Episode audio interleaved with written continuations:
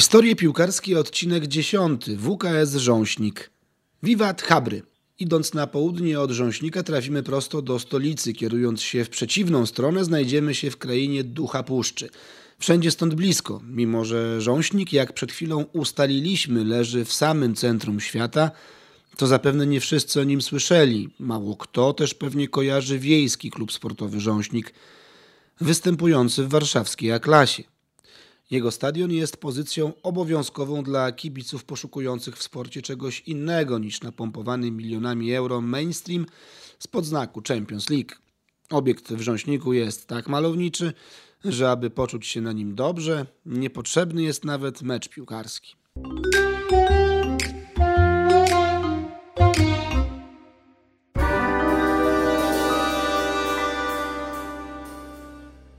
Piłkarskich historii pomaga szukać Hotel Jakubowy w Gdyni. Intensywnie niebieskie. Takie są habry, kwiaty, których kolor stał się jedną z oficjalnych barw WKS-u. Nie wiem, kto na to wpadł, ale brzmi nieźle. Łukasz Abramczyk, jeden z piłkarzy z Rząśnika, wspomina, że wybór strojów nie był kluczową kwestią dla zespołu. Stroje w charakterystyczne chabrowo-biało-pomarańczowe pasy ufundował Urząd Gminy jeszcze przed powstaniem klubu. Wybraliśmy taki oryginalny zestaw, bo szansa, że ktoś inny wpadnie na podobny pomysł, była w zasadzie zerowa, dodaje Bogdan Szurawski. Dzięki temu obyło się bez drugiego kompletu koszulek, a z tymi habrami to chyba wypalił Krzysiek Archacki, jak po raz pierwszy zobaczył te ciuchy. Chyba, bo nie chce mi się wierzyć, że faceci w ogóle rozpoznają takie kolory. Dla mnie one są granatowe i już. Później ktoś zlecił produkcję proporczyków firmie z pobliskiego Wyszkowa, która wykonała je według własnego widzimisię. Na ich podstawie stworzono klubowy herb. Kolor habrów był w nim obecny. Uwaga, uwaga, ogłoszenie. Subskrybujcie kanał! Pod sklepem, gdzie wyznaczono spotkanie założycielskie, nikt nie przejmował się detalami. Nie pamiętam, czy ten spożywczak nazywał się Olga czy Klaudia. Dla wszystkich jedyną obowiązującą nazwą było po taniości. Przypomina sobie Paweł Osowiecki, związany z klubem od samego początku. Skoro w Zampskach kościelnych mają klub, to my nie możemy być gorsi. Myśl o takiej treści przekazał zgromadzeniu kandydatów na piłkarzy pierwszy prezes WKS-u Krzysztof Archacki. Klub powstał szybko, ludzie chcieli grać, na uczestnictwo w okolicznościowych turniejach przestało już kogokolwiek bawić. Zresztą drużynie szło w nich tak dobrze, że grzechem byłoby nie sprawdzić się w rozrywkach ligowych. Puentuje Abramczyk. Z tym, że oczywiście rozpoczęliśmy od falstartu. Zadzwoniłem do Mazowieckiego Związku Piłki Nożnej z informacją, że chcemy zgłosić klub do ligi, ale w odpowiedzi usłyszałem to wpadnij za rok, bo termin składania wniosków minął tydzień temu. Dodaje Szurawski, który niedługo później stanie się kluczową postacią w zespole ale nas jest dziesięciu, trochę mało, żeby jechać na mecz. Spójrzcie na to z innej strony, przynajmniej zmieścimy się w dwa auta. Mecz z impetem Łajski pamięta dobrze każdy, kto w nim zagrał. Osowiecki był w jednym z tych dwóch aut. Plan był prosty. Nie przegrać za wysoko, nie narobić sobie wstydu i wrócić na wesele znajomego kibica, które, jak się okazało, mocno pokrzyżowało plany meczowe, opowiada. Sędzia spojrzał na nas i dopytał – Brakuje wam chłopa, na pewno chcecie grać? Ale szybko odpowiedział mu Bogdan, nasz trener i kierownik drużyny w jednym. Panie sędzio, my tu nie po zwycięstwo, a po naukę przyjechaliśmy. Chcemy grać. W dziesiątce przyjezdnych znalazł się Ślimak. Ślimak nigdy wcześniej nie wystąpił w barwach rząśnika, mimo że na treningach pojawiał się dość często. Jednak jak przychodziło co do czego, to nie było dla niego miejsca w kadrze meczowej. Wcale go to nie załamywało, wręcz przeciwnie. Przychodził na treningi, ale mecze odpuszczał. Tego dnia nie miał jednak wyboru. Przyparty do muru, zgodził się zagrać. Już po 15 minutach Ślimak poprosił o zmianę. Bogdan tylko wzruszył ramionami i wskazał na pustą ławkę rezerwowych. Ślimak wytrwał więc do końca meczu, ale więcej wyrobić się w granie już nie dał. Rywale co prawda mieli rezerwowych, ale w pewnym momencie Siły się wyrównały. Jeden z miejscowych zobaczył czerwoną kartkę. Dwa auta przywiozły do Rząśnika trzy punkty. WKS wygrał 3 do 2 w klubowych statystykach. Ślimak pozostaje jedynym piłkarzem, który w życiu nie odniósł żadnej porażki.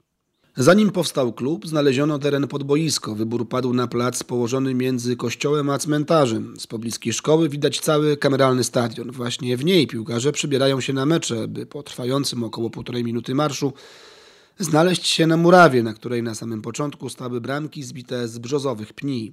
Pierwszy mecz w historii WKS-u rozegrano w 86. rocznicę cudu nad Wisłą. Bitwa warszawska została zresztą stoczona około 30 km od Rząśnika, który to szósta dywizja strzelców Armii Czerwonej zajęła tydzień wcześniej. Spotkanie o mistrzostwo B klasy zakończyło się bezbramkowym remisem, a rywalem Rząśniczan była Polonia Kuligów. Wspomnijmy tylko, że premierowy sezon trójkolorowi zakończyli na szóstym miejscu w stawce 11 drużyn, a pierwszego gola dla WKS-u strzelił Piotr Ciemerych w wygranym 5 do 4 meczu z Mewą Krubin.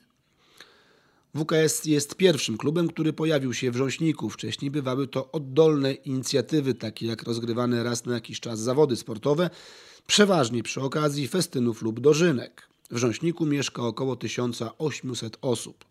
W klubie trenują seniorzy i juniorzy. Dojeżdżają z Komorowa, Wielątek, Bielina, Porządzia, Grodziczna, Lubieli i Wincentowa. Krótko mówiąc, z całej liczącej ponad 7 tysięcy mieszkańców gminy.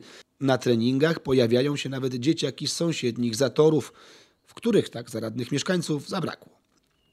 Jeśli chodzi o lokalizację, to warto zwrócić uwagę na jeden istotny szczegół. Otóż piłkarzom z Rząśnika bliżej jest zdecydowanie do ekip grających w okręgu ciechanowsko-ostrołęckim, ale zespół zdecydował, że woli grać w silniejszej grupie warszawskiej. W tym sezonie mamy do rozegrania w stolicy 8 spotkań. Jest trochę dalej, ale większa frajda, bo boiska są lepsze, a rywale silniejsi. Możemy coś u nich podpatrzeć, mówi Abramczyk. Poza tym jesteśmy trochę takim ostatnim warszawskim bastionem.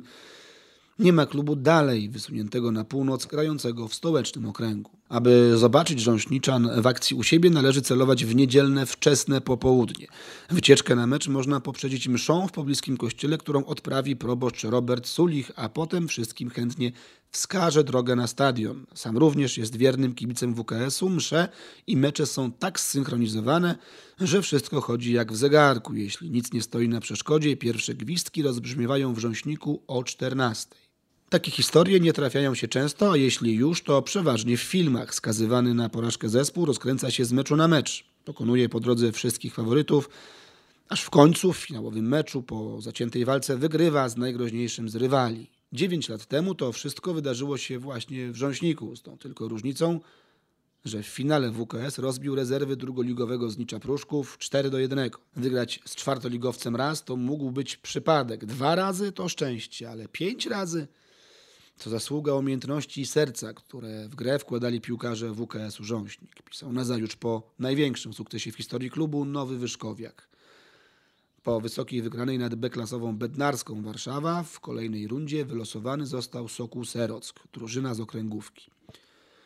Rząśniczanie zrezygnowali z przywileju gry u siebie, który funkcjonuje w ramach rozgrywek okręgowych Pucharów Polski. Woleli pojechać w delegację, bo po pierwsze na stadionie w Serocku było sztuczne światło, więc można było poczuć się jak w wielkim świecie. Po drugie, przeciwnicy zgodzili się zagrać o 20. Było to o tyle istotne, że piłkarze z Rząśnika nie musieli zwalniać się z pracy. Jak na gotowy scenariusz filmowy przystało, mecz rozstrzygnęły rzuty karne. Przeciwnicy czasami drwili z Roberta, naszego bramkarza, że jest trochę przy kości. Ale ciężko było znaleźć gościa, który miał pewniejszy chwyt od niego, wspomina Sowiecki że budowanie drużyny od tyłu to szczególnie w niższych ligach podstawa, wiedziałem, że jak doholujemy remis do końca, to któregoś karnego Gałązka nam wybroni. I wybronił. Robert Gałązka bronił też karne w meczu z Łomiankami, czyli w ćwierćfinale. Na szczęście stał między słupkami od początku, podczas gdy jego koledzy z drużyny kombinowali, jak dotrzeć na stadion na ostatnią chwilę. Byłem gotów na drugą połowę, pierwszą spędziłem w pracy. Wspomina Osowiecki. Wcześniej odprawiono Mazura Radzymin i Bugwyszków, gdzie decydujący gol padł równo z ostatnim gwizdkiem. Przed meczem głośno debatowali o tym, czy krata piwa należy się zdobywcy trzech czy pięciu bramek, wspomina Szurawski. Inna sprawa, że trzy dni wcześniej ich rezerwy ograły nas w lidze 6 do 2. Z rundy na rundę rywale coraz mniej lekceważyli piłkarzy w chabrowo-biało-pomarańczowych strojach. Na finałowy mecz piłkarze z Nicza przyjechali dwie godziny wcześniej, mimo że był to już listopad. W tamtą niedzielę kibice zapełnili stadion w Rząśniku do ostatniego miejsca, by dopingować swoich sąsiadów, kolegów, ojców i braci. Podobno przy takim obrocie spraw Pan Bóg obligatoryjnie zarządza happy end. W tej sytuacji nie miał wyboru. Od powstania WKS-u na świecie trochę się zmieniło. Nie ma już na przykład Polonii Kuligów ani impetu Łajski. Zamski Kościelne, którym w Rząśniku tak zazdroszczono drużyny piłkarskiej, też już wycofały ją z gry. Bogdan, który na błagania Ślimaka o zmianę odpowiedział pełnym zrozumienia i bezradności gestem, został prezesem całego klubu. Prosi, aby pisząc tekst nie zapomnieć pozdrowić Jana Kozona, ówczesnego wójta Rząśnika, który uwierzył w ludzi i pomógł im założyć WKS Rząśnik. U nas złe uczynki pamięta się długo, a dobre na zawsze, mówi. Kozon zresztą już nie jest wójtem, ale podejście gminy do klubu na szczęście się nie zmieniło i piłkarze cały czas mogą liczyć na jej wsparcie. Niezmienna pozostaje Warszawa na południu, Mazury na północy i pasja do futbolu, która trzyma tę drużynę już ponad 14 lat. No dobrze, a gdzie w tym wszystkim są Habry? Otóż Habry, proszę Państwa, są w tym wszystkim zupełnie nieistotne. Słuchajcie podcastów Skarbów Miasta. No właśnie,